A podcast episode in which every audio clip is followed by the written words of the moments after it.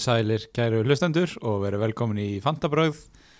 Uh, í dag er alþjóðlegur dagur pitsunar og þriði dagur og uh, það er gott að nefna það því við erum, er í, gaman, gaman að því og því við erum auðvitað hérna í bóði Dominos. stundu langum bara að við myndum bara þegja og bara horfa á Aron bara svona fikra sér út úr vandrarleikarum bara Hann er enda bara alltaf góður í sko. Hann er bara orðinn vanur sko. trúlegur að opna. Góður. Eins og glöggi hlustundur heyra þá er GT komin af tökkunum. Ég var rekin sko, ég fekk ekki einu svona gulaspjaldi það var bara beint raukt Það heyrist í okkur öllum Það núna. er í tísku núna að gefa beint raut á heimskulega hluti. Gersamlega hendundir rútuna hérna. Já, það er svo það er Ég er bara komin aftur, bara settur á minn stað Kanski klára einhvern tíma bannið að fara það aftur Aldrei að vita Er þetta lampan? Er, búið að, er, er þetta þryggjarleika eða? Nei, er ekki, var ekki rauðarspjaldið tekið tilbaka? eða? Ég var alltaf ekki blóka Já. Ok, já, Ótrúlega erum við fyndni strákar ja, Þetta er alveg magna Hérna, það er líka alþjóðlega dagur enga tíma Já. í dag og hérna, og nefn ég að fagna því með starffræði enga tíma Er eitthvað tilbúið í tilumri dagsins? Nei, nei, bara alþjóðlegt Sama gamla góða verðið Já, þetta er, þetta er svona uh, prinsip hjá nefni, það er engin, engin hérna, ekkert mikið tilbúðum, bara gott verð Já. og holdt verð líka Herru, Það var bara komið? Já, kannski minnumst á það líka bara hérna, að, að ég sé á Instagram hjá Gumma að, að Go Training er ræktinu búið að opna aftur þannig að hann er fann að kenna aftur tíma í, í World Class í Strandgötu held ég að þetta heiti. Og við hvetjum auðvitað bara alla sem eru fyrir norðan að kíkja í tíma hjá honum eða heyri í Já, bara gera sér ferð og já, taka hörku tíma hálft höfuborgarsvæðið er að fara í skíða fyrir norður núna. Já, þannig að það er um að gera að fara að snemma einhvern lögadaginn og kýla í smá hópatíma. Það er ekkert betra en að skýða daginn eftir góða beigju Taka alvöru þungt Beigja þungt og fara svo að skýða í 8 klukkutíma. Það er meðist það best. Já, eða, fara alltaf góða æfing út af því sko. eða þið viljið taka þetta heima þá er þetta bara hægt að fara í go home training. Go home. En verður það alveg í bóði núna eftir, eftir að allt opnar og svona? Það er allt í bóði Já, það er bara þannig. Ég vil fara að fá líka fleiri styrtaræðala Já, og, og hérna brjóta þessu getur ekki landsbyttalinn styrt okkur eða eitthvað? Já Þú getur að heyrti þeim, með Það háskólinn? flæðir allt í peningu þar að- Hvað með háskólinn styrkja okkur? hvernig væri það? Við erum hérna með, þú veist, þú veist eitthvað virtasti starfsmæður háskólans Já, og ég er svona einn virtasti einn nefandi virtasti nefandinn, já. Og hérna, við erum svona að representa báðar hliðar tenningsins Já, Getum við ekki ekki spons frá Jóni Nonna, nonna Plögg, vinnum mínum? Ég skal bara heyri í honum sko. Heyrði ég honum, Já, tjekka það á þessu, það væri geðvikt Ég myndi fá frí skólagjöld eða eitthvað fyrir að tala um hvað þetta er geggja nám. Áfram viðskiptafræðin. Áfram, nöðsynja vörur. Bókald? Nei, ok, að byrja að fantasía? sokkin kostnaður. Sokkin kostnaður. Herru, Það er nóg að sokknum kostnaður við erum að auðvitað fara yfir tvær umferðir. Við vorum búin að gefa það út fyrirfram. Uh, Ég veit alveg hvernig það endar ef við förum fyrst yfir umferðin sem var að klárast núna Ég ekki bara sleppa henni. Á tölum við ekkert um hana. Ég ekki bara fara yfir Það fyrir nennir- enginn að heyra um það sko. Það er alltaf búin að gleyma því. Þannig að eigum við að fara yfir uh, umferðina sem var í miðri viku síðast. Bara á svona þrem mínútum sko. Bara með fullri vinningu Ég veit að þetta var eina umferð sem að ég er sáttu með En uh, bara þú veist Hvað var að gerast þá? Ég man ekki eins og hvað gerast í gær. Uh, Það var mikið af mörgum í leik 9-0 hjá United og Southampton og það var mikið af uh, rauðum spjöldum. Um, Já. Ok uh, City vann 2-0 Já, það voru langt flesti með salakaftin En það Já, borga, borgaði sig- Brighton. Borgaði sig að vera með Bruno Bruno fekk 17 stig Já, og Sala fekk 2 já, Já, þetta var hann umferðin það sem ég sagði að það er greinilega borgað sig að ég fetaði mig áfram að braut glæpana því að mm. ég seldi Mattisson sem var með 11 stig held ég í þessar umferð og keifti Sala sem fekk náttúrulega blank sem kaftin þannig að Já, Justin skoraði og fekk bónusinn. Hann, hann var hendi 15 Erðu, wow, þetta er rifja þetta upp Svona, við veist þess að sé svona ár síðan þetta gerði sko. Sko þú þarft til að valla að rifja upp hvaða umferð þetta var. Þetta áheil alltaf við. Justin hérna hjælt hreinu og fekk bónusa og skoraði eða lagði upp. Þetta er alveg sko. Þú sést ekki með hann. Já, Ég er ekki með hann þú varst ekki með ánægð með þetta. 84 stig Já, já, þessar umferð efstur á okkur. Uh, Eins og vanalega. með Rúdiger og bekknum. Já, það er, það er mjög mikið í tísku þessu dagana að vera mikið að stegum með bekknum. Já, þetta var svona, já, hvað byrja að hitta upp aðeins, fá smá steg á bekkin, hvað er þetta, 16 steg á bekknum eða? 17? Ég, ég sé ekki tölunar, sko, ég sé bara, já, 7, 9, 1, já, já, ég sé þetta ekki. 17 steg 17 steg, já, ég var með hvað, 19 eða 20 núna í síðustu ferð. Þannig ég er búin að vera raðinn stegum á bekknum, ég hef mikið talað um uh, mikilvægi þess að vera með góða breytt og hún er kannski orðin aðeins of góð hjá mér núna og flestum. já. Uh, Gunni, hvernig gekk þér í sér umferð í síðustu viku? Uh, ég var með 71 stig. Ég held að bara þokka lánaði með þetta. Ég var með Sala kaftin sem hann gerði ekki neitt og svo, svo er ég með hann að Bruno Gundogan og Calvert Lúin stig og Antonio og svo náttúrulega sitt í vörnin þannig að ég var bara alveg þessu umferð Já, ég var náttúrulega sagaður um að, að setja upp Arsenal glerugun því ég spilaði Rob Holding fram með Lukas Dinje Og réttilega ásakaður um það.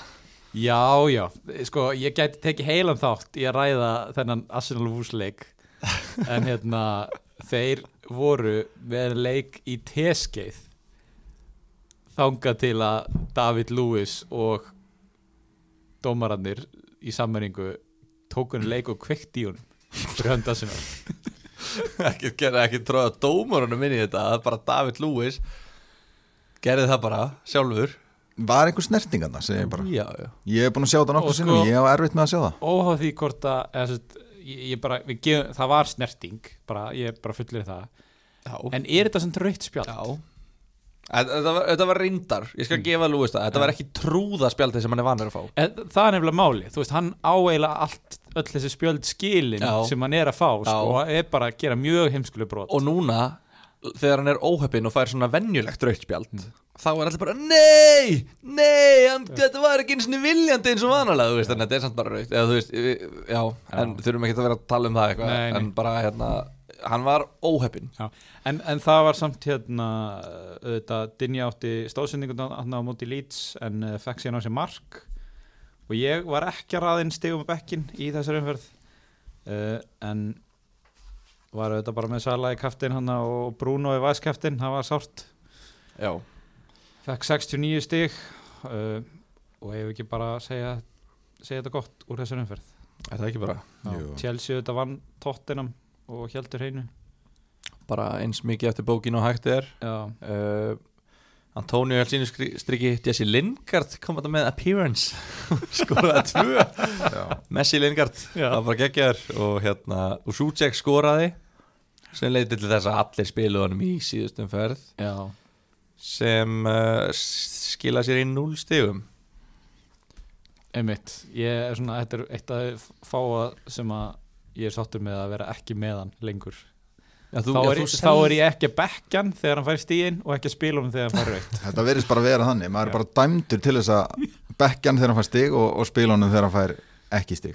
Ég ætla ekki að sjáta þetta á einn efnilegsta dómara landsins, Gunnar Ott Hafleðarsson Mm. hann uh, gaf honum bandið Suchek sem að ég horfði á þetta áður en leikinn fór fram. Ég bara tjekka hans og liða hann í enga á mér og ég svona, já ok, hvað er menn, mennið í að já já, bandið á Suchek, hann hefur verið bara í sterkum efnum. Hún glemdi að breyta bara tværum fyrir röð. Já, eða bara, eða bara eitthvað rosalega mikið að Já. hjá honum andlega. Þannig að hann gaf honum bandið og hérna, eftir á var þetta náttúrulega bara alveg af þeim skulega ákvörðun og fyrirfram. 0 stig, tvöfölduð. Það er jæmt og 0, strákar. Það er það.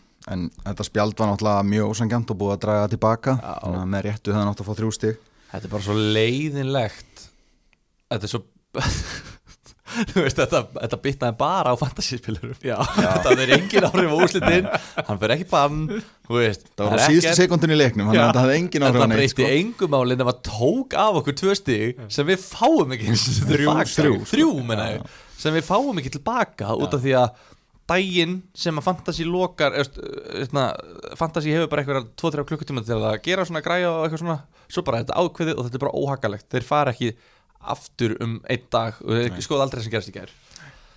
Þannig að þetta var, þetta var svo illa pyrrandi og við erum bara skildir eftir í sárum og bara ge- getum ekkert gert En hérna, já, kannski Svo ég verði hennan efnilega dómara aðeins. Það er Susek er hérna sáleikmaður í deildinni sem er búin að eiga flest skalla færi á mark í deildinni í vetur. Fúlam er það lið sem hefur fengið á sig flest skallafæri í vetur. Og það, veist, það var þetta sem að ákvað það að ég ákvað að spila honum skilur í þessum leik. Veist, það var bara alveg heimaðun á bakvið það að spila honum í þessum leik. Þannig að ég bjósti stigum hana. Mm uh, En já, ef við snúum okkur þá að þessari umferð uh, Gunni, þú varst efstur á okkur og áttu að byrja að fara yfir liðið þitt. Já, ég fekk 68 Já, average 58 þannig að já, bara þokkalega umferð ég fekk bara eiginlega svona gráa ör. Ég fór niður um einhver 500 sæti eða eitthvað.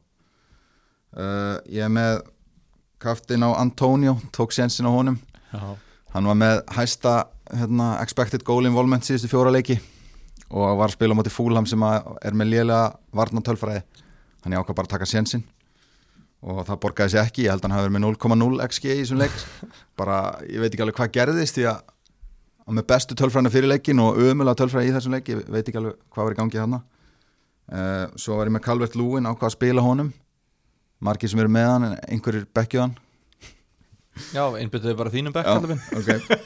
Ég er að horfa hérna á, á bláa stjörnu á bekkniðinu Hefur slakað hans á, ég er bara er að segja. Calvert Lúin 12 stig ánægð með það. Son, ég var með hann, ég var með hann Væs, kaftin.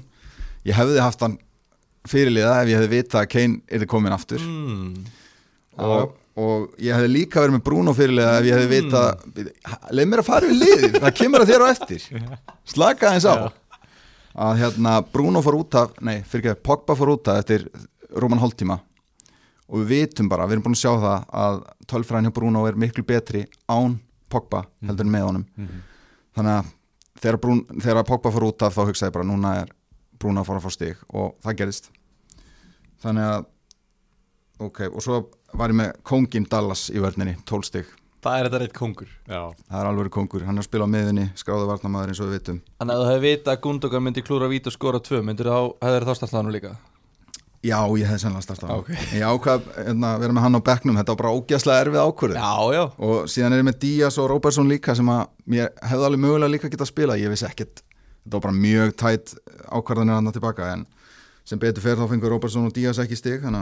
en ég veit ekki bara, jú, auðvitað er ég svektur að vera með Gundogan á bekknum en ég veit ekki ég hefði náttúrulega viljað eftir á hafa bekkja Susek og spila Gundogan Og en, sett bandið á hann og en það eru samt bara úst, ég er á, ánaður ef að ég er að taka ákvörðun með rökum þá, þá liður mig betur eftir á þó að komi í lút ef maður tekur ákvörðun út frá einhverjum rökum.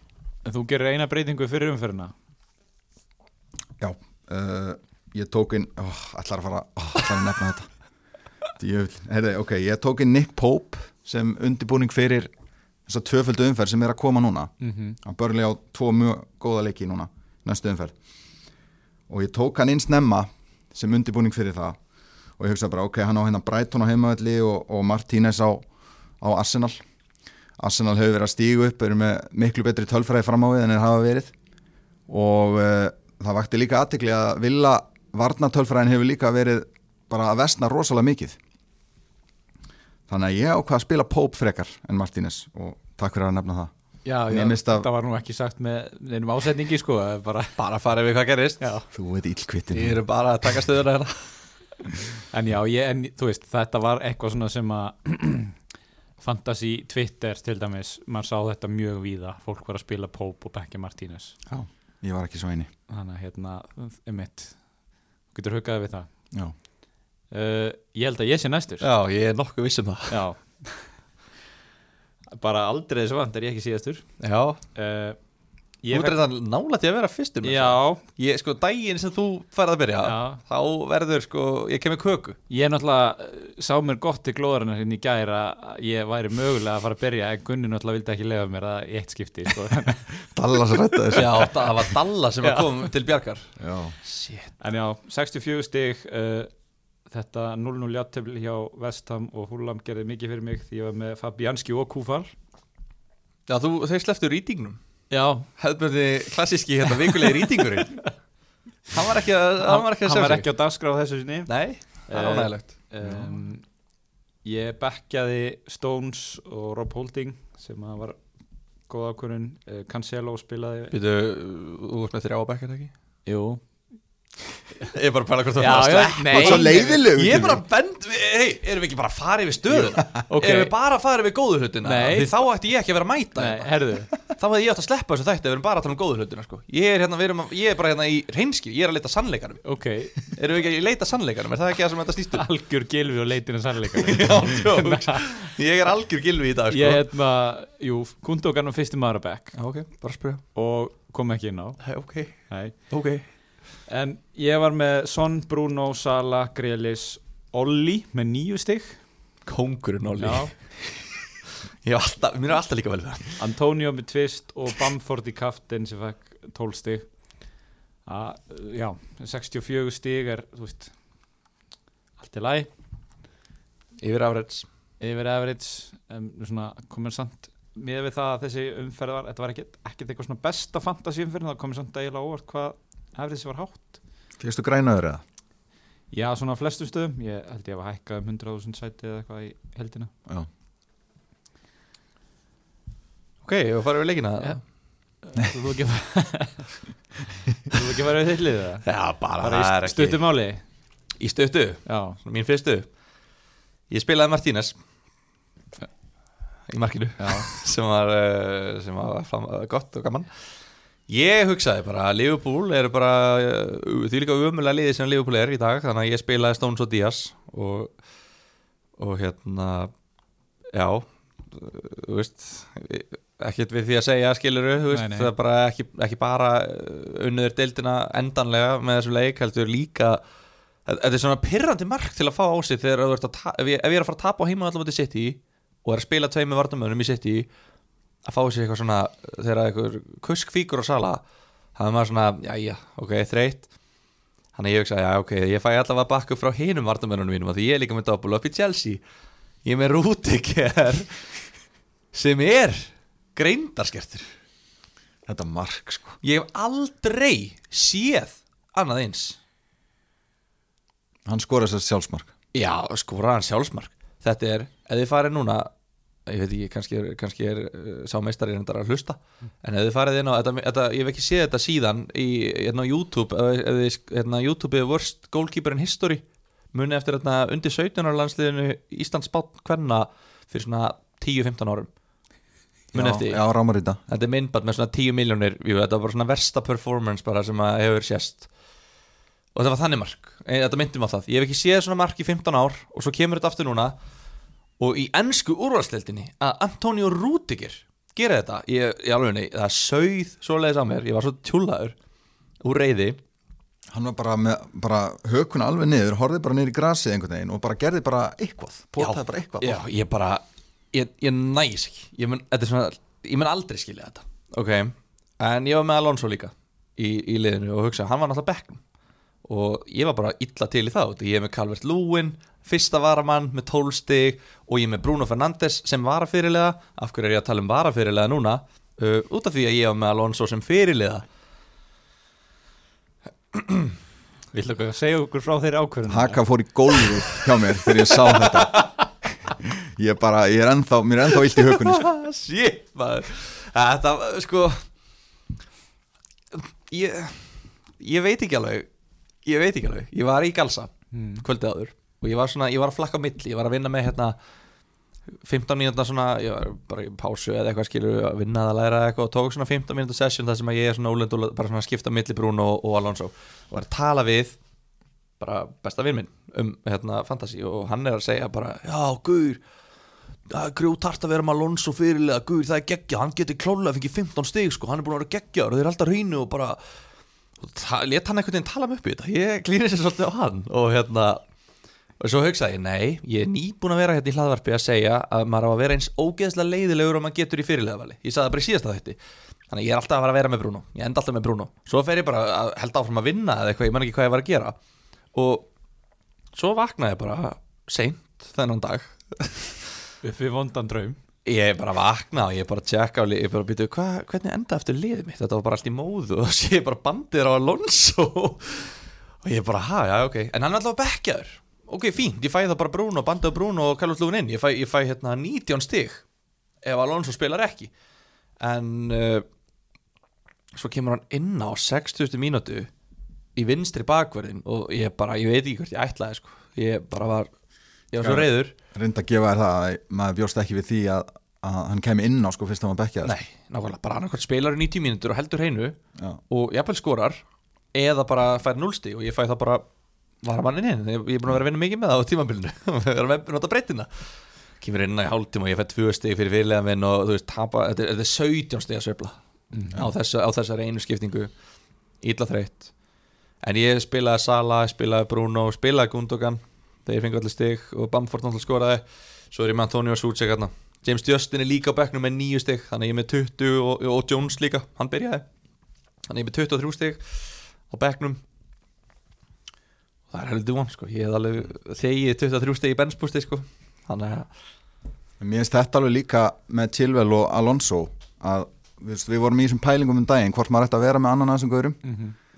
Mér finnst það eiginlega bara að vera off núna ef við erum að sjá það að hann er að skipta þeim inn á veist, það væri þá allavega skárra ef, ef þeir eru bekkjaðir og þá væri þeir ekki að koma inn á þá fær maður einhvern að bekknum sko. en ef, ef hann er að skipta þeim inn á þeir eru að hálftíma eftir þá bara ég, ég læt á í friði alveg núna sko. ég bara sko, ég, ég skil ekki hvað þú meinar en ég held akkurat að ég er akkurat núna on á Alonso út af því að hann sett hann inn á ok, þú byrjar hérna, hann er ekki búin að spila fótbolta í hálft ár eða eitthvað. Og svo er hann bara að spila 0 mínútur í hálft ár. Fekk ekki einu, hann var örugglega kannski, kannski var hann að spila með varaliðinu, ég veit það ekki alveg.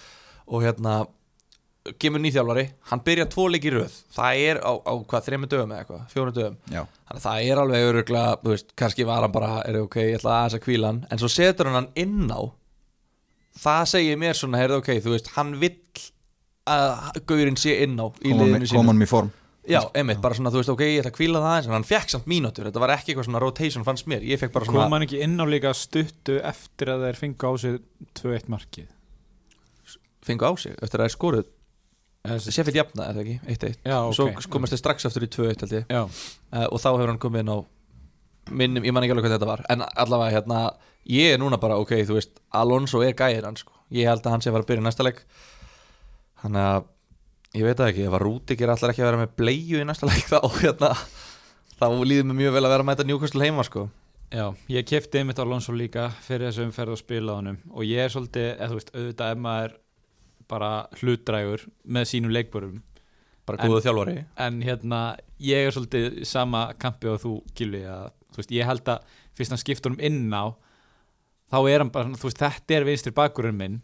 Já. og hann var bara svona hann er svolítið svona, kannski að friða einhvern og kannski sérstaklega chillvel með að byrjunum í þessu leik. Og þetta kvíla aðeins Alonso, það búið að vera mikið þjætt prógram myndafærið, en ég held að þetta sé þú veist, svo er þetta líka bara freka þægilegt. Hann á Newcastle og Southampton í næstu tveimur og það er þess vegna þá bara hægt að taka sjensin á hann í þessum tveimur og svo bara henda honum eftir það. Já, næsti leikur mun gefa mér öll svör sem ég þarf eiginlega. Út af því ef Chilwell byrja næsta leik líka þá er þetta bullja mér sem ég er að segja núna og Já. þá er Alonso farin ef að, ef að Chilwell kemur inn á fyrir Alonso eftir 60 mínútur eitthvað þá er ég sammála gunna og þá er ég farin en, en hérna ef Alonso byrjar, ég reikna með að hann spili 90 mínútur í næsta leik Mhm. og ef hann gerir það þá er ég bara ennþá sannfærður um að Alonso sé bara að fara að spila. Uh, þeir eiga eins og segir, í næst, í, í, ekki núna heldur næstu umferð sem eru þá í double gaming sem að gæti verið erfitt fyrir þá. Uh, vera kannski þreytir, kannski ekki alveg í stuð til að skora, ég veit það ekki. Og Southampton er líka bara með 11 menn meita Já, og Chelsea er líka bara búið að vera rosalega flottir varnalega þegar þetta er eina marki sem er að fengja á sig og það, er, það er bara þú veist, það er ekki hægt að koma í veg fyrir þetta mark. Ef einhver gauður fer bara Eivól bara hérna og bara, ég ætla aðeins að nei, hvað segir maður, fer rogue, nei. He went rogue, já, Já, ekki, já, Eivól Eivól er rogue, eða hvað sem þetta kallast. En hérna, já, Já, ég er alveg sammála. Ef ég væri í ykkar stöðu, ef ég væri með hann í liðinu þá myndi ég klálega halda honum. Já. En ef ég væri í minni stöðu, sem ég er þá myndi ég, stöðu. þá myndi ég ekki kaupa hann. Þú ert í þinni stuðu Ég er nefnilega í minni stöðu. Okay. Já, ég er samanlega, ég myndi ekki kaupa hann ef ég væri ekki með hann Em, Nei, ég held ekki. Nei. En eh, eigum við þá ekki bara að vinda okkur að svona stóra málinu í fantasím í dag sem eru breytingar á leikja niðuröðun það er að segja tvöfaldar umferðir og, og blank umferðir. Uh, sko við förum í þetta, yfir þetta í stuttumáli uh, núna í komandi umferð eru tveir aukaleikir. Já. uh, í umferð 25 einn aukaleikur umferð 26 þá er reikna með að það verði fullt af aukaleikjum. Og það fer eftir? Það fer eftir í hvernig byggarinn fer núna í vikunni. Já, í þessari viku. Já, þannig að þeir sem eru núna að hlusta á þriðutaskvöldi okkar allra, allra tryggustu Mm. og þeir hugsa, já, heyrðu hérna, þeir eru að segja mér að kaupa Gundogan eða Störling þeir eru að býða með það þanga til að þeir já fá svör, hvernig fáum við svör? Föstu daginn við gætum fengið þau á föstu daginn og umferðin byrjar á lögati í hátíðin, er það ekki? Jú. þannig að í raun og veru er bara nummer 1 og 2 og 3 að býða með öll transfer sem á föstu dag til að geta þá læna þeim upp tvær, þrjár umfyrir fram í tíman Já, það er frekar þreytt kannski að vera að selja leikmann núna fyrir umferð 24 sem á tvöfald umferð 26 mm -hmm. sem að kemur í ljós þá á föstudaginn ef ég ætla að selja núna miðvikudagi og svo kemur í ljós á föstudaginn en svo er líka náttúrulega við, ég og þú erum náttúrulega að fara að spila vælkarti í umferð 26 það er hérna já, að, við, við erum búin að fá, það, það, fá þann post. Fá þau skilabúð ofan bara. þannig að maður geti þannig sér líka bara ég er alveg pæli í því skilu ég er að pæli bara að taka við þessari skipum frá, frá þeim besta. Og, hérna, og þá er ég bara í geggjuð málu núna með, þú veist, ég á tvær skiptingar og þú veist 24-25 þá er ég bara að fara að kaupa bara, jafnvel bara Jóa Berg eða eitthvað svona algjör, algjör bara flip, bara eitthvað börleileikmann eða eitthvað svoleiðis. Já, Já, við Og- kannski tölum betur um þetta á eftir. Ég er alveg að íhuga ímsa kosti bara En- þannig að sjá á reynu það var meira sko. Og svo umferð 29 verða mjög fáir leikir Já, reikna með. Fer eftir hvernig byggarinn fer en það gæt, við gætum séð allt nýri tvo eða þrjá leiki Já, þetta er semst þannig að í Game Week 29 Já. þá fer fram næsta umferð í byggarnum á eftir þessari sem er spilu núna í vikunni. Emitt og þess vegna detta fullt að leikjum í úrvalsteitinni þá út og þeir leikir eiga að vera spilaðir í Week 26 Þeir verða færðir fram fram. Og svo eru líka aðrir frestaði leikir sem geta líka komið inn í Week 26 þannig að þetta er svolítið þetta verður stór tvöföldumferð er búistið ég heyrði að Southampton gæti fengið tvöfalda umferð þrjár umferðir í röð já, 25, 6 og 7 mm það væri sick. Triple double. Triple double. Komin í já, já til að lýsa þessu. Sko það er bara eitt lið sem við vitum að er ekki að fara að eiga tvo leiki í 26 hvað er það? það er Leeds. En þeir eru að tvoleiki 25 þeir eiga tvo leiki í 25 akkurat. En þeir eiga eitt leik á móti Aston Villa í 26 Rest. Ok. öll hinliðin gætu á tvo leiki í 27. umferð og það er náttúrulega vinnur okkar á Twitter hann Ben Krellin Mhm. sem með þetta, er, er, er þú með það skjál? Já. Ben Krellin og hann er búinn að taka saman sko, væntalega byggt bara á stöðlum frá veðmálusíðum eða ekki, Hvaða hann, hann er búinn að setja líkurnar á því að þetta lið muni eiga double gaming, það er Já. bara City á 78% líkur á að komast áfram út af því þeir þurfa að vinna bara Svonsi í vikunni prump alltaf í þetta æ, come on En hérna, já, eða eitthvað svona skilur þannig að það eru líkunar og svo bara hérna, já, uh, Fúlham á 13% líkur af þeir eru að keppa við mannju út í velli í byggarnum og þannig að þú veist að þetta er geggja skjál fyrir sko perrana, í fantasy perrana að skoða þetta og bara gleyma sér sko. eigum við að fara bara í næstu umferð að þess að rýna í hvaða lið eiga tvöfalda umferð og hvernig við ætlum að setja sem kaftin og svona? Það er ekki bra Jú. Þú ert á tökurum já. Uh, liðin sem að eiga tvo leiki í næstu umferð eru Manchester City, Everton Burnley og Fulham. Já, það er ekki rétt hjá mér? Jú. Uh, ekki bara byrja á City, bara ræða það Er eins ekki Já. bara að fara að tala um sitt, ég skilur Þú? Veist, þeir voru að vinna. Leopold fjögur eitt og út í velli og það er bara, þú veist. Já. og Við þeir þurfum bara að taka þetta aðeins fyrir hérna. já, formaði Bekkjar ás með sinn allra besta leik. Hann er alltaf bara úgeðslega góður. Já, en, þegar hann fer að spila? Já, sem það er, er það ekki sko. búið að vera að gerast oftar og oftar núna? jú, hann bara þarf að fara að gefa frá sér formann ás titilinn sko. Það fer Kom honum alveg yfir á Það er ekki bara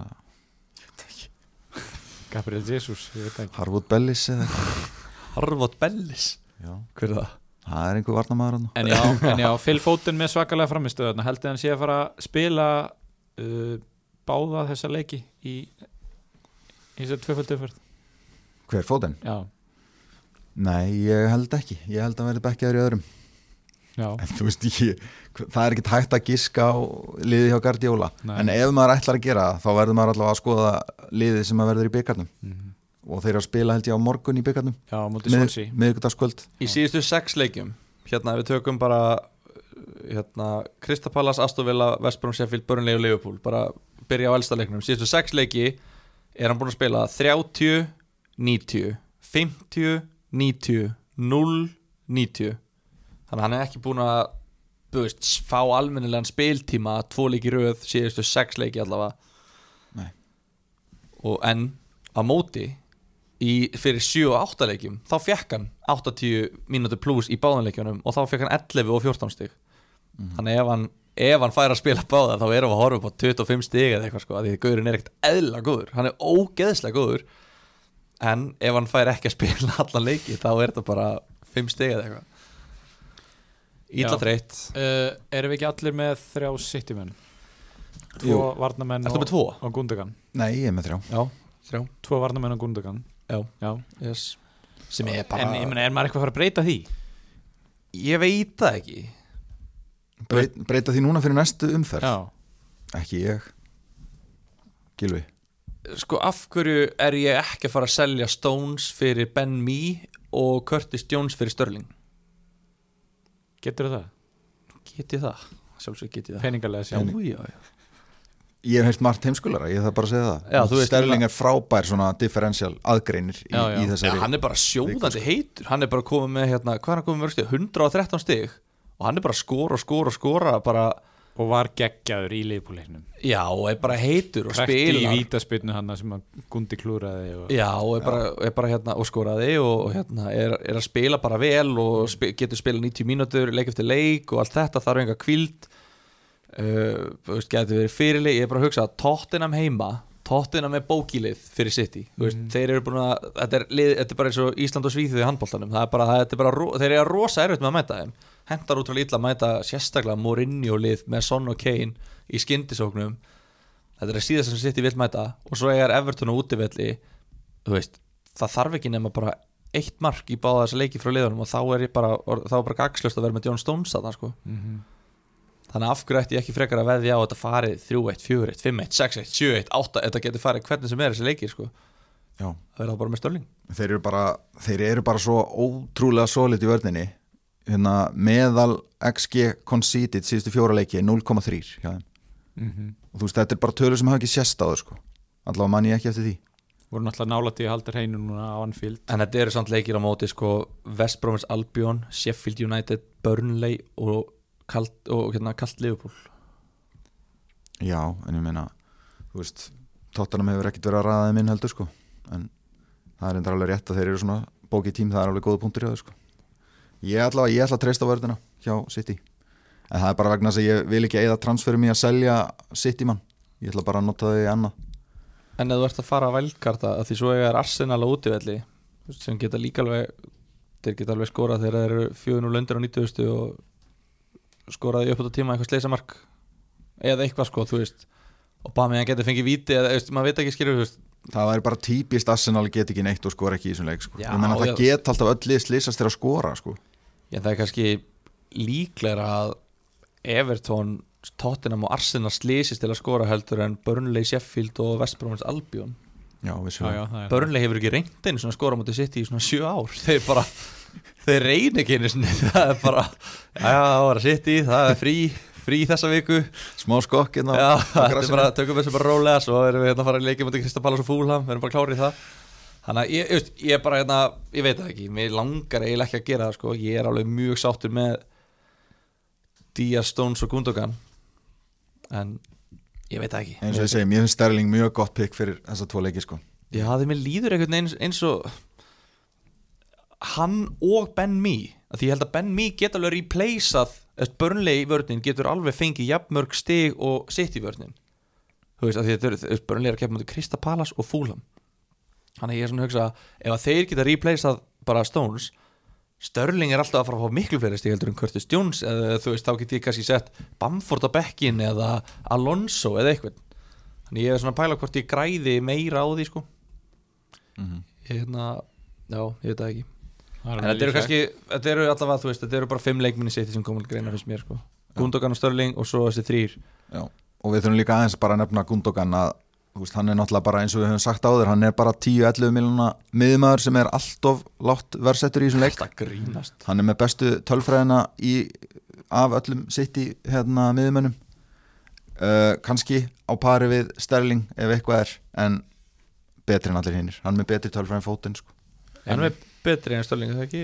Eða svona þannig, hann er að skapa flest færi og flest skotin Já. í teig og allt þetta og hann er að skila sér inn í tegin sem Já. við voru- erum búin að vera að tala um núna í nokkra vikur sko og það er ekkert að hætta Ég held í þessum leik, það var ástæðan fyrir að ég var að pæli að, bekka Gundogan Ég held að Liverpool gæti sagt bara, heyrðu, svo er þetta þessi nýjeti bróinegæði, hann er geggjar, þessi Gundogan, hann er bara búin að langbæstur, núna bara stoppu við hann og það gekk bara ekki Það Þannig bara er enginn til að stoppa hann. Nei, kannski ekki þarna. Og, þú veist, og, og þreytt fyrir Liverpool líka að vera, þurfa að spila Henderson og Fabinho í hafsendum, þá var kannski ekki þessi gæi, en ég er alveg svona Pierre Emil Heuberg gæti sko drepið Gundogan á vellinum. Hann gæti bara hent sér bara, Mourinho gæti þess vegna bara sagt, heyrðu, þú veist, þú tekur á þau raukt spjald.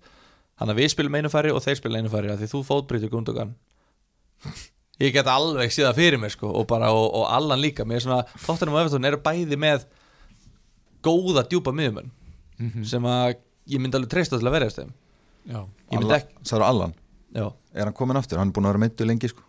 já ok, ég bara sagði hann sko, ég er að, ég var ekki búin að fylgjast með því. Það er bara Tom Davis núna. Við ekki, já ok, Tom Davis, hann er ekki að vera að stoppa hann, ég get alveg lofa en, því. ok, þeir eru báðið með Calvist Lúin eða ekki?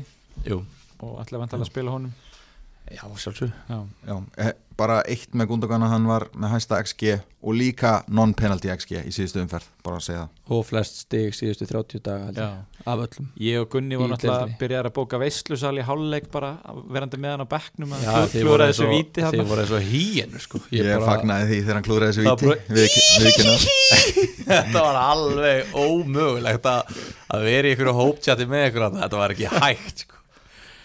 En við fengum það í bakið. Heldur með þau, það kom gamli góður ítíkurinn Karma bites back. Já, já, já. Með tveim mörgum uh, Já, þú ef þú ert kaupið Störling þá ertu vendilega með hann í kaftin Akkur sér það? Já, hver ætlar að hafa annars kundugan eða? Já, við vorum að tala um að hann er með betri tölfræði heldur en Störling og, og flest mörg og flest stig og bara allt sko. Ég, ég veit það ekki. Ég, ég myndi að það væri alveg hausverkur sko. Mm. Sérstaklega þegar hann klúraði þessu ljóta víti að það. Ég vil bara hafa hann ennþá á, á, á vítunum en þeir hafa verið að vinna með, með það undarfærið að um leið og klúrar þarftu bara af vítunum. Þá kemur ykkur nýr. Hvern myndir þú láta taka víti? Ég, Já, hvern, ef þú verið pepp núna hvern myndir þú láta taka víti í þessu liði? Gundogan. Að, já, þú veist, ef þú ættir að láta hann allt í hennu vera að fara af vítunum. að, þú, veist, að, þú veist að nefna möguleikana og hann er ekki vítaskita Já, um, veist, hann er náttúrulega að tala um Ederson en það, ég, það er ekki að vera að gerast held ég. Ég Sterling, ekki að fara að gerast. Sko, málið með það Hann er heitur. Og hann er fyrir einhver ótrúlegt að hann er búin að taka fjögur víti á æfisinni í Premier League. Og það er bara allt núna sístu 2-3 árin eða eitthvað. Að Sterling sé búin að taka fjögur víti það er bara ofar mínum skilningi að hann hafi fengið að taka eitt ég bara næði ekki. Þannig að ef hann hefur tekið fjögur þá er ég að hugsa af hverju ætti hann ekki að fá að taka fymta hann er bara að klúðra þremur af fjórum vítum. Þú veist, er, hann er svo ógeðslega lélegur. Svo fekk hann að taka aukaspinnu um daginn. Þannig að móti, hvað var hann móti, Vafja Já, ég átti ekki orð, ég var í pílukasti ég átti að gera bara, hérna, átta manns voru bara að býða eftir ég var að gera og við vorum bara á tíma þetta er bara eins og í, í, hérna, í keilu. Já. og bara, bara með tíma. Og ég sagði bara við liði bara, heru, stopp, ég verð að sjá þetta. Ég verð að sjá Störling taka aukaspinnu þetta verður bara eitthvað met. Heru, klínir hann upp í skeitin bara ótrúlega Palas Já, um, það er Palace, um daginn. Já. Ó, í, í fallega leiknum að Stones og Díaz fóru hamförum. En þú veist, ég er að segja ég var ekkit eitthvað í sjokki og Störling myndi bara segja, "Heyrðu, þú, þú klúrar, þetta er bara dýðin þetta verðist vera bara svona einhver eh, vítin hjá sitt, eru bara einhver ringegja og, menn, það er bara, þegar síðustu þrýr eru búin að klikka, þá kemur þú bara aftur inn. Já, bara, þú veist, ó, þetta, er, þetta er óþólandi en ég vona að Gundogan taki bara ennþá vítin. Ég vona það líka. Smá séns á Jésús ef hann verður inn á. Já, fóten líka myndi ekki klúra víti held ég. Já. Ég held að Gundogan verði alveg bóttið fyrir leið hjá mér. Já, ég, mér það líklegast hjá mig líka. Já, já, Já. E Ef að tala um hinn liðin? Það eru fleiri liði í fantasy eh, Everton. Já, Everton það er bara Calvert Lúin er bara, bara fyrsta máladagskrá að kaupa eða þú ert ekki með hann, finnst mér. Uh, og allir eiga að hafa hann, allir eiga að spila honum einhverjir gætu sett bandið á hann. Það er engin annar í Everton sem ég myndi kaupa. Nei, nákvæmlega, það sem ég var einmitt að hugsa. Þú veist, þetta er basically, þeir spila heima á móti Fulham sem er góðleikur og svo eru þeir heima á móti City maður gerir bara ráð fyrir að þessu tvö stíð á mann þar og færri náttúrulega á varnamennina þannig að þú veist, það er ekki priority að, að fylla liðið af Evertómanum skulum orða það þannig. Segjum að maður sé samt með Calvert Lúin og maður er með þrjá sitt í leikmenn og veist, þá myndi ég ég væri að horfa á börnuleg vörnina eða Everton hérna, sóknar sinna þú veist, ég, það var af hverju, ég veist, kannski skilur ef ég geta, út af því að þú ert með garantur fjögustig með bara einhver basic miðjumann. Tom Davis er að fá, fjögustig í þessum leik sko, nei, í þessar umferð. Mm þannig að mér finnst það alltaf svona, ef þeir eru að spila ef ég veitir fá fjögustig, þá er ég alveg til í það sko. Já, þetta er, þetta er Fulham leikur heima sem er mjög gott pluss plus 1-2 stig. Þannig að veist, þetta er allt í lagi. En það er samt eiginlega að því gefna og setja vælkarta því ég ætla ekki að eyða skiptingu í að taka inn eitthvað Tom Davis eða eitthvað trú, þetta eru allt bara uh, engin af þessum gæðum vilja hafa í liðinu mínu. Þannig ég myndi aldrei kaupa Everton leikmann fyrir þessa tvöföldu umferð ef ég, ætla, ef ég þyrfti að halda honum sko. það væri bara alltaf geta vælkartaðan burt bara í næstu umferð sko. en svo er náttúrulega eitt sem að þarf að hafa í huga líka þeir eru mjög líklega að fá tvöfalda umferð í 26 og þar eiga er Southampton og annarkvort Aston Villa eða Vestbrom það er mjög fint líka. Þannig að þeir eiga góða leiki þar þannig að það er líka eitthvað sem má hafa í huga. Bara vildi óska þess að Gilvi væri bara að byrja alla leiki bara potið þá væri ég að fara að kaupa hann sko Já, nefnilega sko En eh, finnst þér eitthvað Aron í Everton sem Nei, ég að bara- með Luka Dinje Ég var að selja Luka Dinje fyrir Marcos Alonso Nú? Nei, já, í síðustu umferð. Já, fyrir, Já, já, ok. fyrir síðustu umferð Af því að ég skoðaði leikjaprogrammi hjá Everton og ég var bara, ég sé ekki fram á að ég sé fara að starta honum í, þú veist næstu fimm leikjum Var þessi hann- umferð ekki komin eða?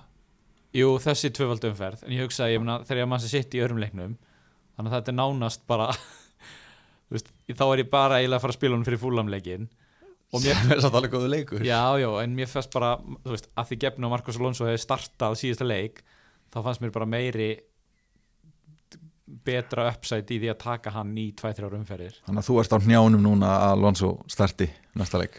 Nei, þú veist, mér er bara pínu sama, að, þú veist, eins og þið sögðuð að hérna Everton heldur ekki hreinu og hérna og ég, bara, ég fann það bara eftir á bara mér leiði ekkert vel með þessi kaup á Luka Dinje ah, þannig að ég bara skilaði hann aftur. Þú ert farin að vinna svolítið með þetta Kaupa leikmenn bara í eina, tvær umferðir. Mattisson, Luka Dinje Hvað meira er það ekki?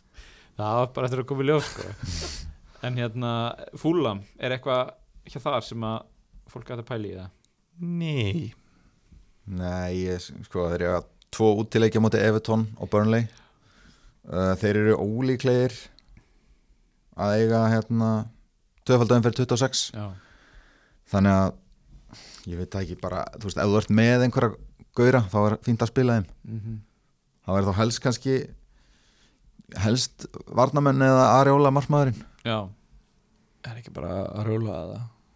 Jú, ég held að sé ekkert með þú veist, ég, það er einn annan TT hann að vingbakk. En svo er náttúrulega líka bara veist, það er svo mikið af ódýrum valkostum í leiknum hvort sem er. Þannig að þú þarft ekkert að, þú veist, Lúkmann er ekkert eini 5 miljónar miðumæðurinn sem er að gera eitthvað sko.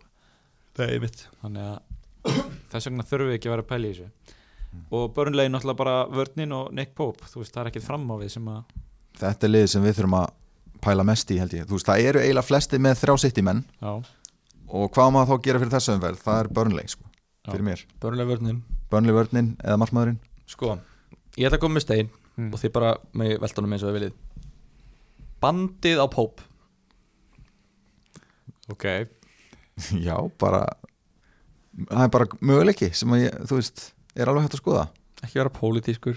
Sko, gæin, Veltu steininum. Gæin er með hérna, meðalstig 9,9 stig þegar hann heldur hreinu.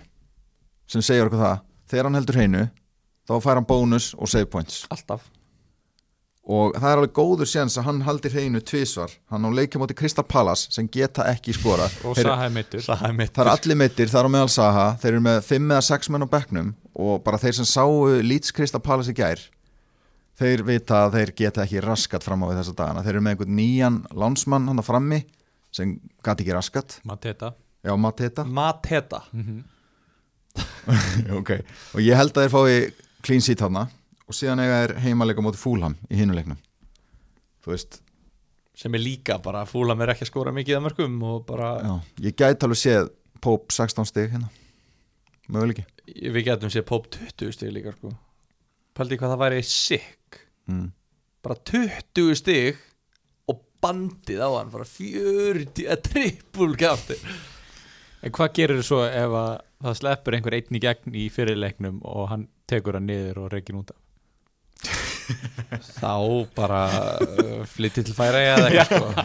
Þú þú það er ekkert annað í Fyrir stöðinni þá mér er þetta bara of mikil áhætta, skilur en hvað, ég meina hefur einhvern tímann heyrt um einhver sem að sleppur í gegn á móti börnlei Þetta er mjög góð punktur. Hefur Pope fengið rautspjald á ævinni? Það er ekkert að sleppa í gegn á múrin í teik sko. Nei, ef, að, ef allir leikmennir er inn í teig þá sleppur ekkert í gegn sko. það virkar ekki svona sko. Ég, ég ándjóks held að ég gæti alveg mögulega keift Pope og bara allavega byrja á honum. Jafnvel sett bandið á hann. Þetta er svona go big or go home pæling, þú veist. Og þetta er bara, ertu tilbúin að taka þessu áhættu eða ekki, þú veist, þetta er klárlega, ef þetta gengur upp þá er þetta svona hitjusaga sem þú segir í mörg ár. En, þú veist, ef ekki, þú veist, ef hann fær á sig mark í öðrum leiknum og jú, kannski fær 60 í hinnum, og þetta er alltaf lægi, en Gundogan fær á meðan 23 stig, skilju. Æ, Já. ég veit það ekki. Þetta er einn af möguleikunum Já. Þetta er alveg bara góður möguleiki til að, til að taka, taka til álita eða hvað sem maður segir En ég hugsa líka hérna, það var hérna fyrir svona þrem, fjórum árum Ró, það var svona einhverjir ofurhugar sem að trippul kaftinu Shane Duffy ég ætlaði að vera að koma það sko. af því að Brighton átti tvo góða heimaleiki held ég Já. og svo náttúrulega held ég að þeir fengi, hafi hvað, annað fengur þessu mörk í báðuleikunum eða Já. hann spilaði bara annan eða hvernig það var hann fekk fjögusti held Já. ég ég, ég setti bandið á hann þá Já, þú veist það þarf svo lítið út að bregða með þessa varnamenn og markmenn og Burnley þeir voru að keppa leik núna um daginn um helgina móti hverjum? Brighton, já, eitt eitt á móti Brighton. skoraði eftir hótt eitthvað svona grín. Já, hvað var Jói Berg að gera? Akkur fór hann að stönginni? Já, hann var óþóri hjá honum hann var að stönginni, svo bara, heyrðu, ég ætla að skreppa og svo bara, ei, ei, og fór reyndi svona veginn svona, svona klemman veginn þetta svona Já. Og þar fór clean mér. En Ég meina, það er nefnilega máli, þú veist eins og Gunni kefti Nick Pope núna af því að hann átti framundan fjóra leiki sem að voru svona innan svega örugt clean sheet og svo er núna eitt farið. Og ég meina, það er ekkit örugt í þessu lífi. Nei, nei. Brighton reyndar mjög góðir þessa dagana Já, að ég var, ekkit, ég var ekki búin að bóka þetta clean sheet en Nei, nei. ég var alveg vongoður samt. Ég held að, já, allavega börnlega varnamenn og börnlega vörðin þetta er allavega eitthvað sem er rosalega gyrnilegt algjörlega, en ekkit fram á við í börnulega eða hvað? Nei, nei. Nei, ekki nema bara þú veist, heyrðu, ég heyrði Chris Wood vinniðinum Heyrðu þú í honum? Já, Já, ok, og hann sagði að hann er ekki með í byggarleiknum sem er núna í kvöld. Ok. Hann er bara heima en þá jafna sig. Þannig að það er ekki hægt að taka hann finnst mér. Nei, hann verður ólíklega klári að byrja næsta leik ef hann er ekki einu svona bekknum núna í mitt. Þannig að það er að nýjast á honum.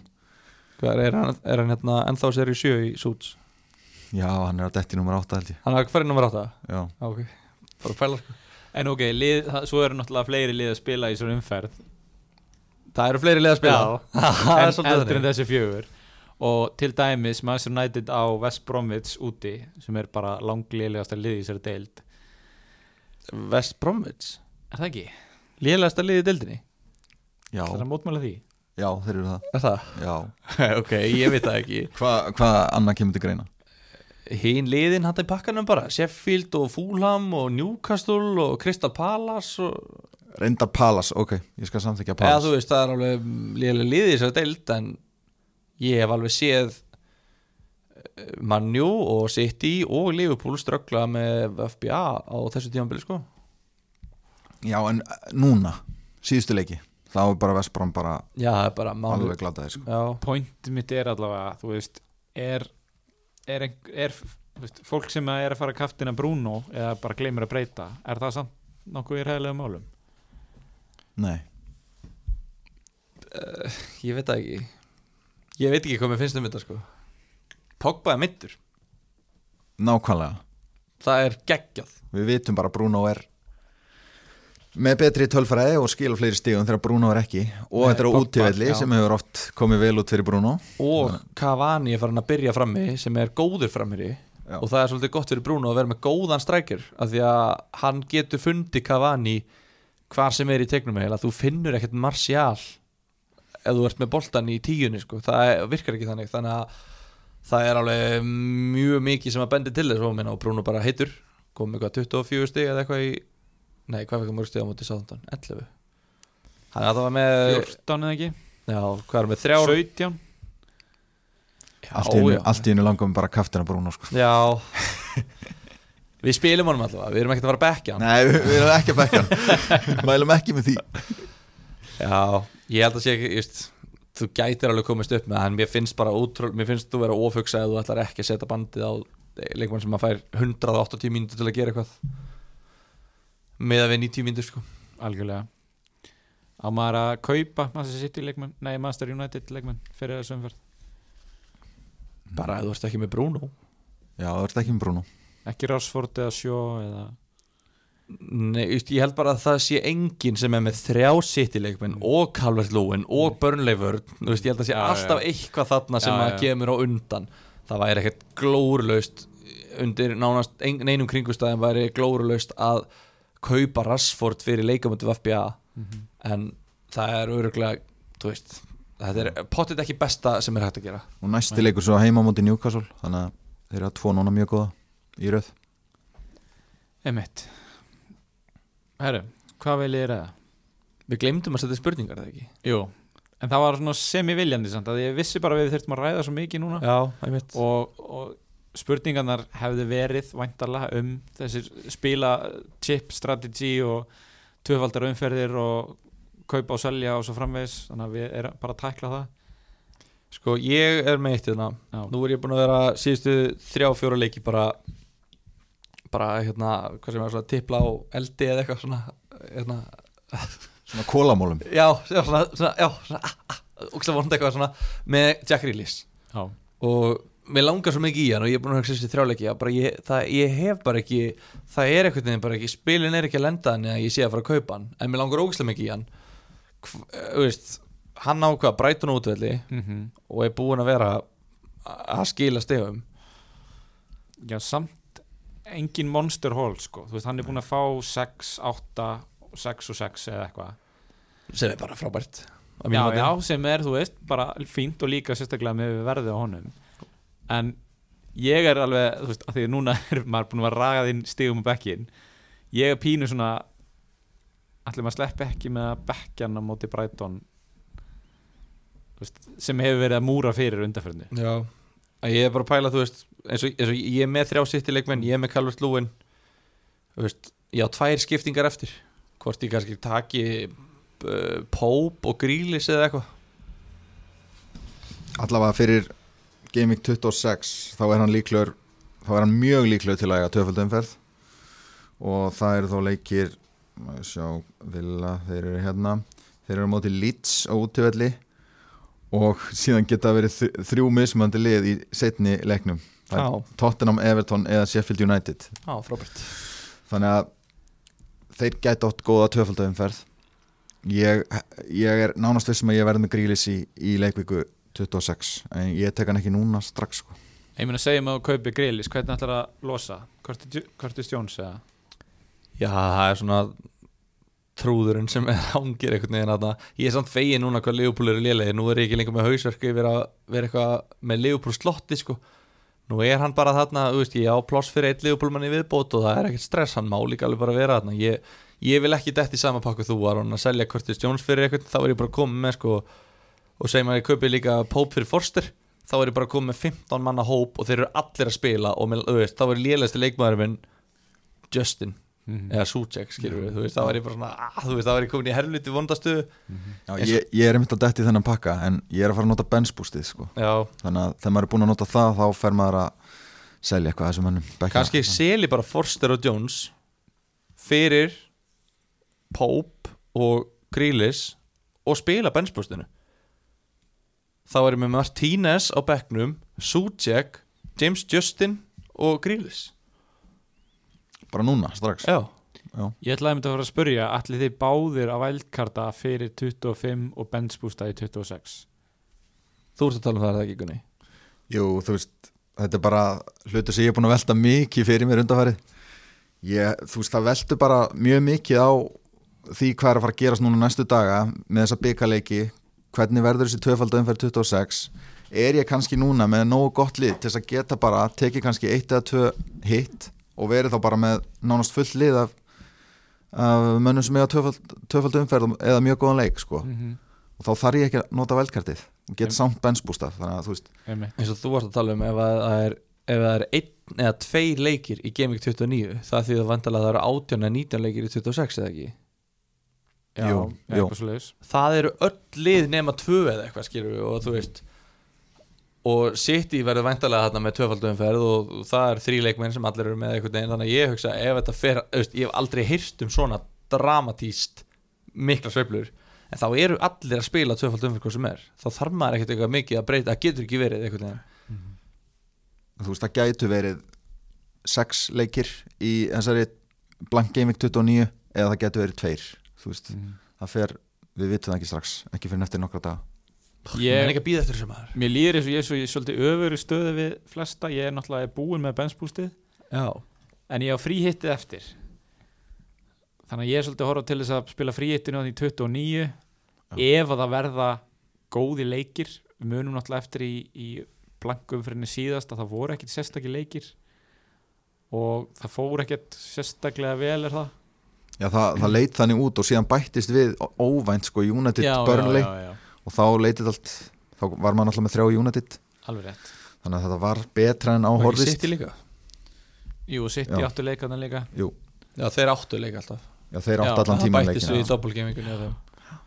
En, en sko, já, ég er alveg að ef þetta eru bara tvei leikir þá var alveg spurning hvort það sé worth it að, að nota frí hitti en Einmitt. Og, hérna, og þar sem ég er ekki að fara að benchbústa í umferð 26 þá er ég svolítið að horfa í triple kaftin það er bara spurning hver það verður. Það verður auðvitað nóg af möguleikum þar. Já. hvað finnst ykkur um að nota triple kaftin á Bamford í umferð 25 hann, hann á Wolves og Southampton. Ég myndi ekki gera það sko. Já, þetta er bara ég, það gæti gengið upp ég er skilur, ekki að segja að ég sé eitthvað mikið að pæli í sko, en, en þetta er náttúrulega þegar þessi hérna, dagskrábreyting var gerð að, að, að Leeds ætti tvo leiki þannig þá náttúrulega komið upp í hug, hugan á manni Já, en bara við vitum að City á flei, inni fleiri Já. tvöfaldar umferðir og Tottenham líka, nú er Harry Kane komið tilbaka Já, og Tottenham líka, ég held að ég vil ekki taka svona séns með trippulkaftin sko. nei, nei, frekar bara taka séns einu svona einu sinni með venjulegan kaftinin sko. já, já en talandi um Harry Kane uh, hvað hvað á maður að gera með hann? Á maður að kaupa hann strax? Hann á náttúrulega sitt í næsta leik. Er þetta ekki fullkomið tækifæri til að bara býða og sjá? Jú, Er það ekki, ég, jú, ég held að sé það er svo margt í gangi með þessar tvöfaldu umferðir þú annað- að vera helviti grillar til að kaupa Harry Kane núna sko. Já, ég verð að viðkjöna, ég er að pæli að gera það eftir komandi umferð og að þá að losa Olli og Antonio kaupa Kane og Brúster Brewster eða fyrst hann er á lausu núna Gunni er búin að henda honum öfugum út. Miskunarlaus og bara líka bara þú veist, að gera, hætt að gera sjálfum með hennan óleik að vera með hausverki við því hvernig á bekja í hverju meinastu umferð sko. það er alveg þreytt. Það er hrikalega erfitt að sjá eins og núna bekkuriði núna, maður er bara þú, þú, með tvo af 11 stigastu leikmönunum overall á tímabilinu á bekknum. Maður er bara shit. Þetta er, þetta er erfitt. Maður, maður nennir ekki að vera með svona bara í lífinu skilur, þú veist, til hvers er maður að þessu? Þú veist, þetta er ekki eins og við, heldum að svona, er, ólíklegt að við vinnum í ár deildina, já, í fantasy já, þú veist af hverju er maður að gera sér þetta svona erfitt já, já. af hverju er maður ekki bara með Curtis Jones uh, Ballis eða hvað sem hann heitir þarna sem þú varst að tala um? Harwood Bellis. Harwood Bellis og hérna og Keenan Davis kannski líka. Af hverju er maður ekki bara með það á bekknum og bara chillar aðeins? Einmitt. Uh, Já. Er eitthvað meira? Þurfum við ekki að tala eins um líka bara tvöföldu umferð 25 vorum við búin að hvað var Hvað það? lýts og sáðandan Já, Ég að bara býða eftir að geta keft þennan helvitis Dallas. Ég er búin að býða svona sjö umferð Dallas og Grílis Ég er bara, hvenær get ég keft þá? Núna, nei, ó, ég get ekki núna bara djöfutin eitthvað, þú veist. Ó, svo, svo kaupið ég núna, nei, heyrðu, Alonso kemur allt í hennu, bara, "Ah, ok, ég tek hann frekar. Svo tek ég, svo tek ég Dallas. Þetta er óþólandi, ég er búin að býða og býða og býða eftir að geta keft hann.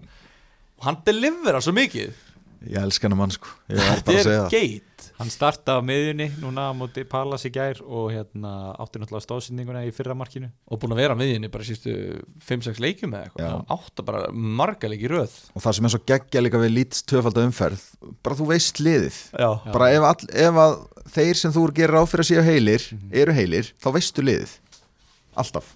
Þeir eiga nú hérna í leikvíku 25 semst, ekki umferðin sem byrja næstu helgi heldur eftir það þá eiga er Wolves og Southampton. Og sem eru tvö af lélugustu liðum deildinni. Eða sérst, köldustu. Já, það er bara þannig. Og hérna Bamford er náttúrulega skærasta stjarnan fram á við. Mm og Dallas í vörninni. Svo eru menn eins og Rafinha hann á miðinni Rafinha búin að vera geggjaður. Já, hann er bara Sikk hann er fljótur. Sáuði kloppan og Gary Cahill í gær?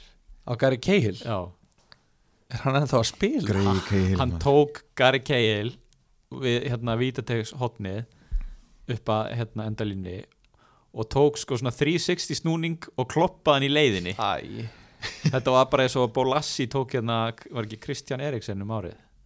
Munið því nei. Nei, ég man ekki því. en þetta var rosalegt sko. Og Gary Cahill bara, þurfti bara að rífa niður og hann var eiginlega bara heppin að að rétt fyrir utan vítategin ekki inn í honum sko. Mm.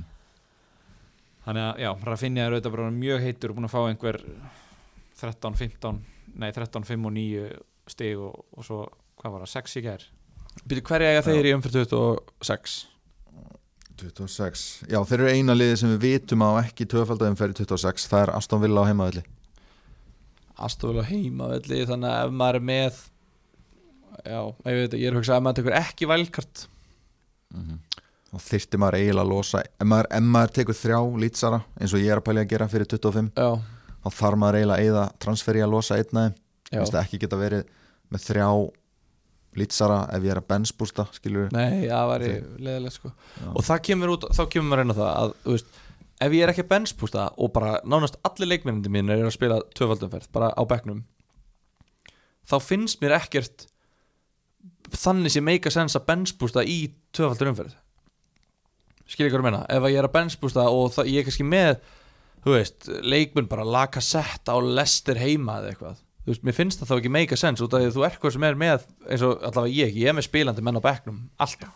Já. þessir ódýru leikmenn sem þú ert með þeir þurfa að eiga tvöfaldagum ferð Já, þessi dýru mega kannski einn og einn eiga einn leik að þú myndir ekkit vilja bekki þá hvað sem er, skilur Nei, en, En- samt sérðu, þú veist, eins og núna bara. Nú er bara venjuleg umferð, Aron er með Bamford og Son á bekknum sem eru stiga, nei, veist, og, og það meikar mér sjálf sens veist, Ég er ekki að horfa á þetta og hugsa bara Vá maður, Aron hefur dotti í golfi í nátt sko.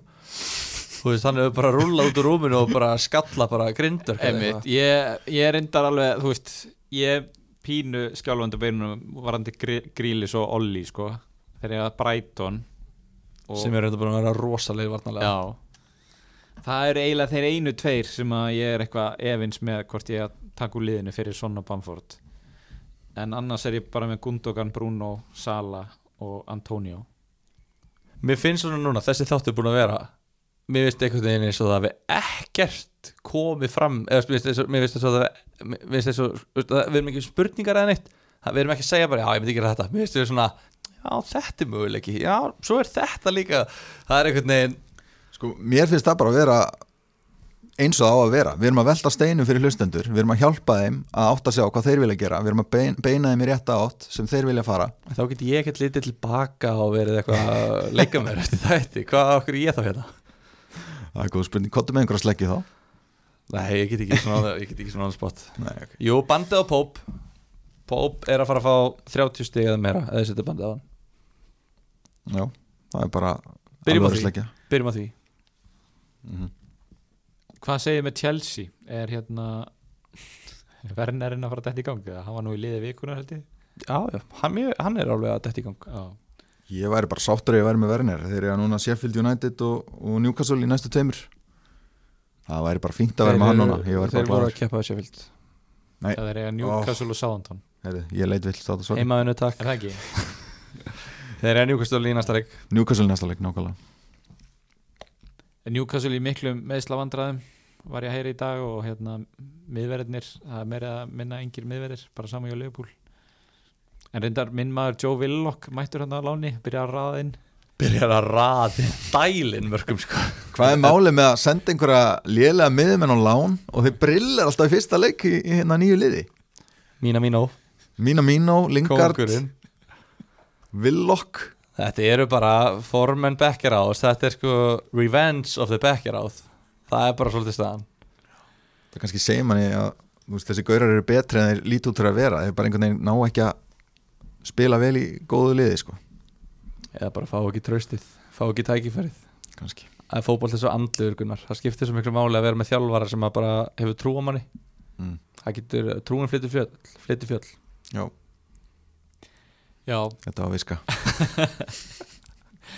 En hérna eigum við ekki bara að segja þetta gott í byli og við hvetjum þetta bara hlustnum til að fylgjast vel með uh, við reknum með að fá að vita á föstu dag laugadag hverna, hvernig umferð 26 mun líti út. Það er þetta að gera transfer. Svona með það í huga hvernig maður ætla að læna upp í þeirri umferð. Já, ég segi bara ef það var einhver tíman ástæði til að vera hluti af fantasy bræðar yfir hópnum okkar á Facebook Mhm. og að follow okkar á Instagram fantabröð og að læka líka síðan okkar á Facebook fantabröð síðuna sem að hérna, við þurfum að fara, þú þarfst að fara að virkja þess Þa, það verður aldrei verið meira ástæða til þess að vera með í samfélaginu. Taka þátt. Uh, ég ætla að henda líka ég sakna Guðmunda Felixsonar inn á hérna, samfélaginu mér finnst hann ekki, ekki eins virkur og hann var og ég vil bara að hann rífi sig í gang og fara að tjá sig meira. Hann er eitt viskubrunnur Eh, sko ég vil líka minnast að við erum að sjá rosa mikið að postum inn á grúpunni og svona sem fólk er að kvarti við sko að það sé óheppi í fyrirlega vali. Já, Og bara, að vara við. Já, þú veist, líka bara þú veist, það eru allir óhefnir í fyrirlega vali. Mhm. það er einhvern veginn þetta er búin að vera eitthvað skrítir ringegi það sem Bruno og Sala og Son og félagar skiptast á að klikka bara í þessum umferð þessir eiga svona augljósa þægilega leiki. Já, og maður er búin að vera að elda skotti á sér með Sala og Bruno. Oh. Sala skoraði tvö, ég ætla að setja bandið á hann. Ó, hann blankaði Bruno, hann skoraði tvö, ég ætla að setja bandið á hann. Nei, ó, hann blankaði Gundogan, þú veist, og hann er alltaf veginn svona að lauma sér veginn. Og þetta er alveg geggja sko. Þannig að það, við erum öll í þessum pakka. Það þarf ekki að hafa áhyggjur af því að, að hérna, þessu eina báti með, með lélegt fyrirlega val sko. Já. Ég er enda búin að vera alveg ágætla heppin með þetta núna undarfærið Ég var alveg svona, það er langt síðan ég var full yfir umferð. Þetta er búið að ganga, prílega búið að vera virt. Svo kom þessu umferð algjör Já, var með 49 stig, ég held ég hef ekki sagt það Ég var 10 stig, eða 9 stigum undir meðaltali. En hérna, þannig að ég treysti mig til þess að hérna, benda á fyrirlega val Þannig að ég, ég er að pæla að kaupa bara púp Ég held ándjus að ég sé bara að fara að setja bandið á hann Já, djúvill lakka þetta til að mæta í næsta þátt og gera það upp. Heyra af 30 stigarum sem ég fekk. Já, Shit herru, umferðin klárast. Hvenær klárast hún? Miðvikudegi? uh, já. Já, Og hvað, byrja vantar á 50 degi hátæðinu? Nei, heyrðu, föstudagskvöldi. Sko oh, Þetta er svo erfitt fyrir okkur. Af hverju eru við ekki í fullu starfi? Hvenær allar hafliði að rétta mér ávísun og bara hút ráðinn Þú verður bara hér á skrifstofunni og tjáir þið um fantasi við Mjög góð að skilja sko. Mjög góð spurning. Ég miða við the hours sem við leggjum inn þá ættum við að skilja þið Já, Ég er að setja svona 37 tími í viku í, í þetta podcast. Ekki minna. Ég líka. En það er náttúrulega heima en að bara sitja heima og horfa á leikina og svona. Já, og taka telur allt. saman og þú telur allt, sjálfa röddina að drekka engi fyrir okkar svona dæmi. Nákvæmlega. Ég, ég, Bara þannig ég segi það Ég er að pæli að vera með double Burnley vörn. Að kaupa annan varnamann Þú ert með, já þú ert með Pope. Ég er með Pope, búinn að taka hann inn og ég geti tekið inn annan varnamann Ég er að pæli að gera ekkert. Ekki einu sinni að kaupa einhvern í börnulegi eða Calvert Lúin eða neitt. Bara með þrjá sittimenn. Áttu, áttu bara eitt transfer? Já, Já, ég á tvö sko, þannig ég verð að gera eitthvað. Og ég sko er með Fabianski og Kúfal sem eiga Sheffield United heima. Það er leitt þú veist, er ég að fara að taka annarkotna þeim út það væri þá væntalega það. Eða þá að selja Rob Holding fyrir einhvern í Burnley. Og þú getur það ekki út að þú er gleruhun Nei, sem er, augl, sem er augljóst move. En þá þarf ég að bekka einhvern fyrir viðkomandi og ég er með nógu mikið hausverkið í bekknum mínum eins og er. Já, þú eftir að bæta ykkur við Bamford og Son bekkiðin Já. Þetta er Þú ert eftir að fá svo mörg stig á bekkiðin Það verður, sko, vá. Og ég er svolítið líka í því að mér langar að kaupa mér, mér langar að vera svo kúlkrakkandir í bekknum og kaupa Martínez í markið. Já, uh, og gera það sagt, eftir þessa umferð uh, að því að Fabianski vestan fer í verra prógram þegar ég að Tottenham og City núna eftir séfyldilegin og síðan Manchester United og Arsenal og eitthvað í framhaldinu. Þannig að ég hugsa að ég sé að fara að selja þessa vestamkalla eftir þessa umferð. Já. og ég ætla bara að sapna mér inn öðru transferi og, og kaupa Martínu sem markið og, og einhvern sniðu hann Ég held að þessi, þessi höfuverkur á bekknum. Mm. við erum náttúrulega bara allir held ég sem spila þetta eru með hann núna. Og það er örgulega vegna þess að þú veist það er allir búin að selja þetta í brunni fengu hellinga pening, Mhm. allir konum með Gundogan í staðinn. Seldu Kane, fengu mikið af Já, pening líka það. Vardy, það er engin með Mane Já, Það er engin með, þú veist og það er allir búin að eyða þessum pening til þess að uppgreita bekkin sinn, það er allir bara með geggja lið, þannig að þá bara þá gerist þetta, það er ekki takt að vera fúll yfir því þetta Nei, því bara út með gott lið og góða breytt og allt það sko. Það er alveg hægt að vera því. já, já, já, já. Þetta er erfitt. ekki of mikið Þetta er erfitt en svona er þetta bara En herru, segjum þetta gott í bili og heyrumst í næsta þætti